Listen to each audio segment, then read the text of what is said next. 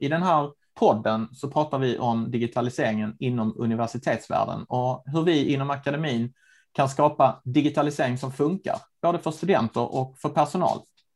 Dagens ämne är samverkan och digitalisering. Mitt namn är Andreas Jakobsson och jag leder digitaliseringsuppdraget på Malmö universitet. Vid min sida så sitter vår vice rektor för samverkan och innovation, Charlotte Ahlgren Moritz. Och vid min andra sida så sitter Martin Berg, professor i medieteknik vid fakulteten för teknik och samhälle. Hej på er! Hej! Jag tänkte börja med att fråga dig Charlotte. Vad är samverkan och varför håller vi egentligen på med det? Det är ett samarbete med personer eller organisationer utanför vår egen organisations väggar. Alltså det ska finnas en ömsesidighet för båda parter, det vill säga båda ska få ut någonting av samarbetet och det ska vara relevant för den egna verksamheten.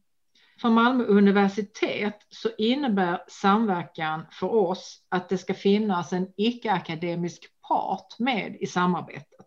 Det jag tänker på det är andra sektorer än den akademiska sektorn, det vill säga det privata näringslivet, offentlig sektor eller idéburen sektor.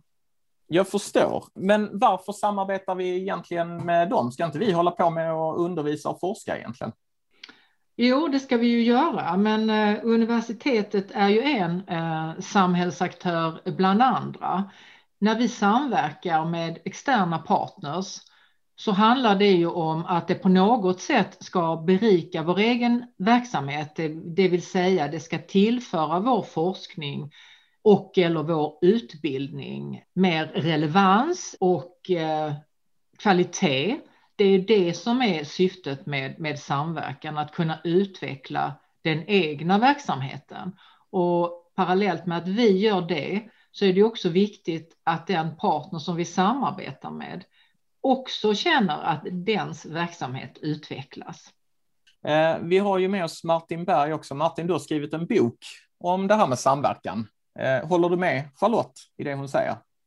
Ja, det gör jag. Att samverka är också någonting som är, det är ett helt, helt uppenbart ett ganska, ganska knepigt begrepp och det betyder väldigt många olika saker beroende på, på vem vi talar med. Jag tror också det är viktigt här att vid ett, eh, vid ett universitet som vårt så, så har vi också olika discipliner där samverkan betyder väldigt olika saker beroende på varifrån vi kommer. Vid eh, fakulteten för teknik och samhälle som jag kommer ifrån så kan vi se ganska tydligt att det, tydligt att det finns en tradition av industrisamarbeten och att man redan där många gånger är relevant. Eh, Medan det kanske vid eh, samhällsvetenskapliga fakulteter där jag har min bakgrund är, är svårare eh, att, att göra sig relevant och framförallt så ser relevansen annorlunda ut. Sen, sen är också frågan vad, vad vi menar med just samverkan och, och Charlotte pekar ju tydligt här på samverkan med, med externa parter och eh, jag tror att eh, det är också ett begrepp som kanske tangerar det vi brukar tala om som samproduktion, alltså att man producerar kunskap och utvecklar forskning tillsammans med externa aktörer. Och det är väl någonting, eller det är väl ett begrepp som, som vi behöver eh, fundera särskilt noga på när det kommer till frågor rörande digitalisering. Eh, så det är inte bara liksom att, att, att, nå ut med information för att skapa kunskap och för att berika och utveckla den egna och andras, andras verksamheter, utan samverkan är också en fråga om, om att mötas och samtala och producera kunskap ihop, tänker jag. Eh, intressant. Och så tänker jag på, eh, vi har pratat om samverkan nu i, som någonting vi gör med icke-akademiska parter. Ni har bägge två lyft exempel från eh, det privata näringslivet eller från industrin. Men visst finns det andra typer av samverkan som också är i allra högsta grad relevant för ett lärosäte som vårt. Jag tänker till exempel på museer eller eh, idrottsföreningar kanske, eller, eller vad säger ni om det? Om, om vi börjar med dig Charlotte. Ja, men absolut. Jag menar, vi har ju väldigt omfattande samverkan med skolan till exempel. Det är ju offentlig sektor i mycket stor utsträckning. Och jag skulle nog också vilja säga att Malmö universitet är nog ett av de lärosätena i Sverige som har mycket väl utvecklad samverkan med idéburen sektor och, och som idrottsföreningar till exempel ehm, eller andra med vad ska vi säga, syftesdrivna organisationer. Och det är någonting som jag tror kommer att utvecklas mycket framöver, därför jag tror att vi måste ha det här samarbetet eh, mellan olika sektorer eh, idag. Det, det, inför väldigt många av de utmaningar som vi står i samhället så, så är det viktigt att vara sektorsöverskridande också. Sen tänkte jag på det som Martin pratade om och, och ehm, jag tror att det hade varit intressant att kanske också titta på samverkan utifrån olika mognadsgrad. Eh, man mm. börjar någonstans men eh, allt eftersom så fördjupas ju samarbetet och det handlar ju också om att få en ökad förståelse för varandras drivkrafter, eh, vilket språkbruk man har. Det är ju väldigt olika mellan olika sektorer, olika kulturer, olika vetenskapsområden och så vidare. Och ju mer moget ett samarbete är, desto större förståelse har vi ju för varandra och då är min övertygelse om att ju mer får vi ut av det samarbetet också. Det har kanske Martin forskat på. Ja, jag kan säga några ord om att jag, om vi går tillbaka till idén om att vi, vi ska arbeta med icke eller samverka med icke-akademiska aktörer så, så redan där kan vi se en, en, en utmaning i det att det, det, finns en hel del forskning och eh, även utanför universitetsvärlden och eh, stora delar av, av Eh, industrin, eh, om, om det nu är den delen av, av världen utanför som vi samverkar med, bedriver också forskning eller, eller forskningsliknande verksamhet. Sen tror jag också vi behöver, behöver fundera lite grann på, på hur andra former av också intern samverkan. Det är lätt hänt att man, eller det är lätt att vi, vi tänker oss universitetsvärlden som en enda stor kropp som, som samverkar med aktörer utanför. Men, men vi, har, vi, är ganska, vi är ganska olika, inte bara mellan fakulteter utan inom fakulteter och inom institutioner och mellan ämnen och, och sådär. Och, och, det tror jag också är någonting som, som, som pekar på både möjligheterna kanske med, med ett tvärvetenskapligt arbete eller eller liknande, men, men, också med, men också pekar på svårigheterna. Vad är då egentligen avgörande för att eh, när lyckas samverkan, när, när lyckas det inte? Det beror på, skulle jag säga. Det beror på vad målsättningen är. Men om vi nu säger att, att vi ska, och, och där vill jag plocka upp en idé här från Charlotte, eh, om tanken om att vi kanske behöver gemensamma språk och att man behöver förstå varandra för att kunna arbeta tillsammans eller för att kunna verka tillsammans så, så krävs det också att vi förstår varandra, att vi, att vi eh, har möjlighet att kunna interagera och, och på något vis liksom kunna kommunicera våra respektive agendor och så där. Och det, det är någonting som är långt mer än en praktisk eller teknisk liksom umgängesform, utan det är någonting där vi verkligen behöver prata med varandra, vi behöver liksom lära känna varandra och framförallt så behöver man kanske lära känna sig själv i, eh, i en ny miljö. För ett tiotal år sedan så, så, eh, så arbetade jag som forskare i, i näringslivet och gjorde min, min postdoc eh, där. Och um, sällan har väl jag känt mig så, så akademisk. Alltså det, det, var, det, var, det var på något vis i den miljön som jag framkallade någon slags, någon slags akademiskt, akademiskt jag, vilket var en, kanske som en, kanske en naturlig och självklar motreaktion på något vis för att kunna förstå och, och, och, och göra situationen meningsfull tillbaka till frågan då, vad, vad, eller hur vi ska tänka kring samverkan, så tror jag att vi måste, vi måste först och främst tänka vad målsättningen är. Är det så att, att det handlar om forskningsinformation som också är, kan vara kanske en, en form av väldigt grundläggande samverkan när man testar idéer tillsammans. Jag menar, då, då kanske man behöver ett sätt att agera. Är det istället fråga om att utveckla långsiktiga idéer eller att eh, identifiera forskningsproblem, då behöver man en helt annan typ av av arbetssätt tror jag. Eh, och, och de här, de här ställer olika krav tror jag på, på umgängesformer um, och det är också kanske någonting då som att de utmanas och möjliggörs på olika sätt när vi, när vi tänker detta i termer eller i relation till digitaliseringsfrågor. Hur har det då egentligen gått det här samarbetet med andra icke-akademiska eh, aktörer under pandemin? Eh, finns det någonting som till och med har funkat bättre och det kanske finns någonting som inte har funkat alls? Jag kan ta ett exempel som jag tycker är någonting som har fungerat bra och det är ju att eh, Malmö universitet har ju varje år en konferens som heter Social Innovation Summit. Och där fick vi förra året gå över helt digitalt. Det som var positivt, det var ju att vi kunde ju ha deltagare från hela världen, det vill säga att alla kontinenter var representerade, över 60 länder och vi hade tusen deltagare och alla var med digitalt. Utmaningen då det är ju att vi behöver ju facilitera interaktiviteten, alltså det som vi själva hanterar i den här typen av sammanhang med en kopp kaffe och lite småsnack i pauserna och så vidare. Den interaktiviteten behöver man ju vara aktiv och skapa och jobba med digitalt. Sen har jag också funderat på och också testat det här med under pandemin att etablera helt nya relationer, det vill säga personer som eh, jag inte haft kontakt med tidigare. Det fungerar ju bra. Det fungerar bra att ta den initiala kontakten. Det fungerar bra att ha ett antal möten på, på Zoom eller vilken plattform man nu vill använda. Men för att man ska få en...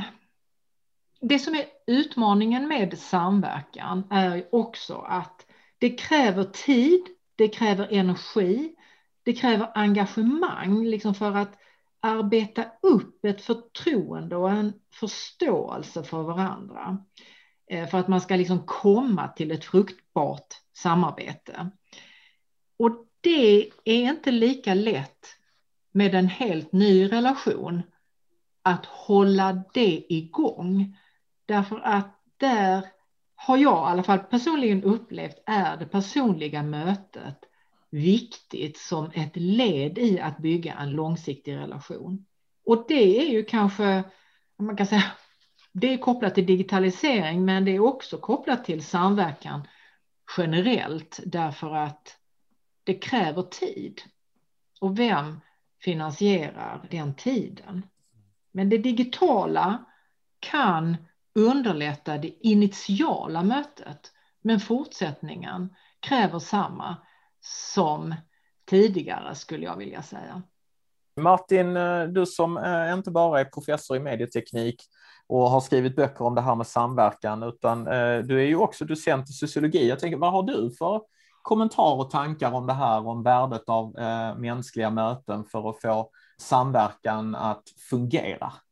Alltså, alltså och det är inte bara en fråga om mänskliga möten för att få det att fungera, utan samverkan är en fråga om mänskliga möten. Och jag tycker Charlotte mm. pekar på en väldigt viktig mm. fråga här i det att eh, men, digitala kanaler och digitala möten kan vara, kan vara viktiga för att liksom, initiera kontakter, men sen kräver de någonting mer.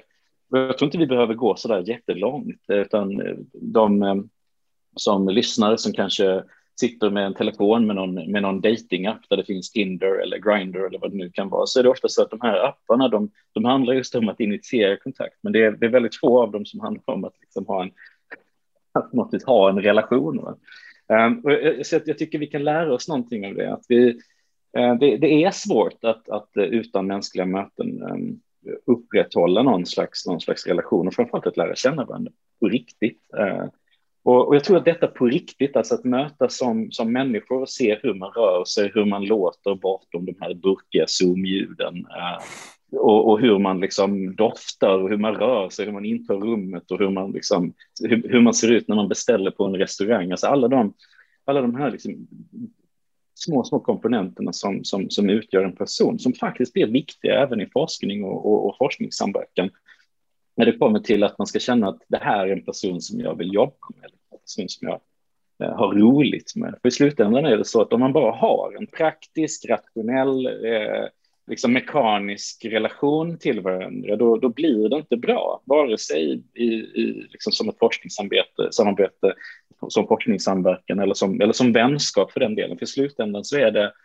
tror jag, alltså genom att faktiskt ha roligt och, och genom att känna inspiration och känna kreativitet som, som, som, som forskning och riktigt bra idéer också blir till. Och det är där som jag också tror att det finns en möjlighet faktiskt när det kommer till samarbete med och samverkan med externa aktörer, att faktiskt att ha roligt ihop, eh, att, att, att liksom gå bortom den här interaktionen som finns när, man har en, en, en, professor och en eh, projektledare som ska då presentera sig som en professor och en projektledare och sen prata om saker som projektledare och professorer pratar om.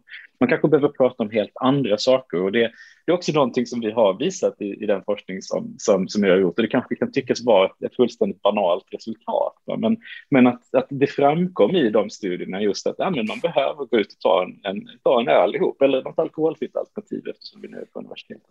Är det någon skillnad då mellan om man tänker på allting vi har pratat om här med mänskliga relationer och kommunikation och språk och kultur och liknande. Men är det då någon skillnad på samverkan i forskning i förhållande till samverkan i utbildning?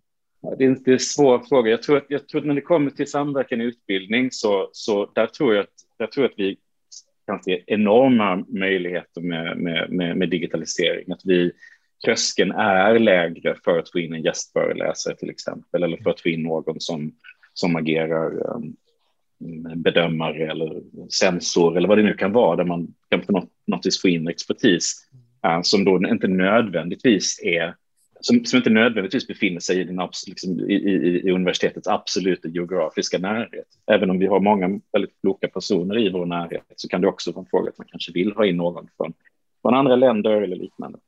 Där har vi stora, stora möjligheter och, och kanske är det också så att digitaliseringen skapar förutsättningar för en, vad ska man säga, en typ av samverkan som är lite mer quick and dirty, som kanske också kan kan skapa det här intresset. Att det kanske inte är så himla jobbigt plötsligt. Vi kanske inte behöver sitta på evighetslånga workshoppar det, det första vi gör. Vi kanske inte behöver gå ut och dricka öl ihop det första vi gör. Men vi kanske kan, vi kanske kan ha, se detta som en typ av första Tinder-swipe, liksom, att man kan se att ah, men det här verkar ju spännande. De pratar om intressanta saker och, och det som då egentligen behövs är, är bara kanske en, en, en timmes medverkan där man, där man ja, vi sitter ju hemma hela tiden för Zoom, när man, när man tittar, tittar på, på oss istället.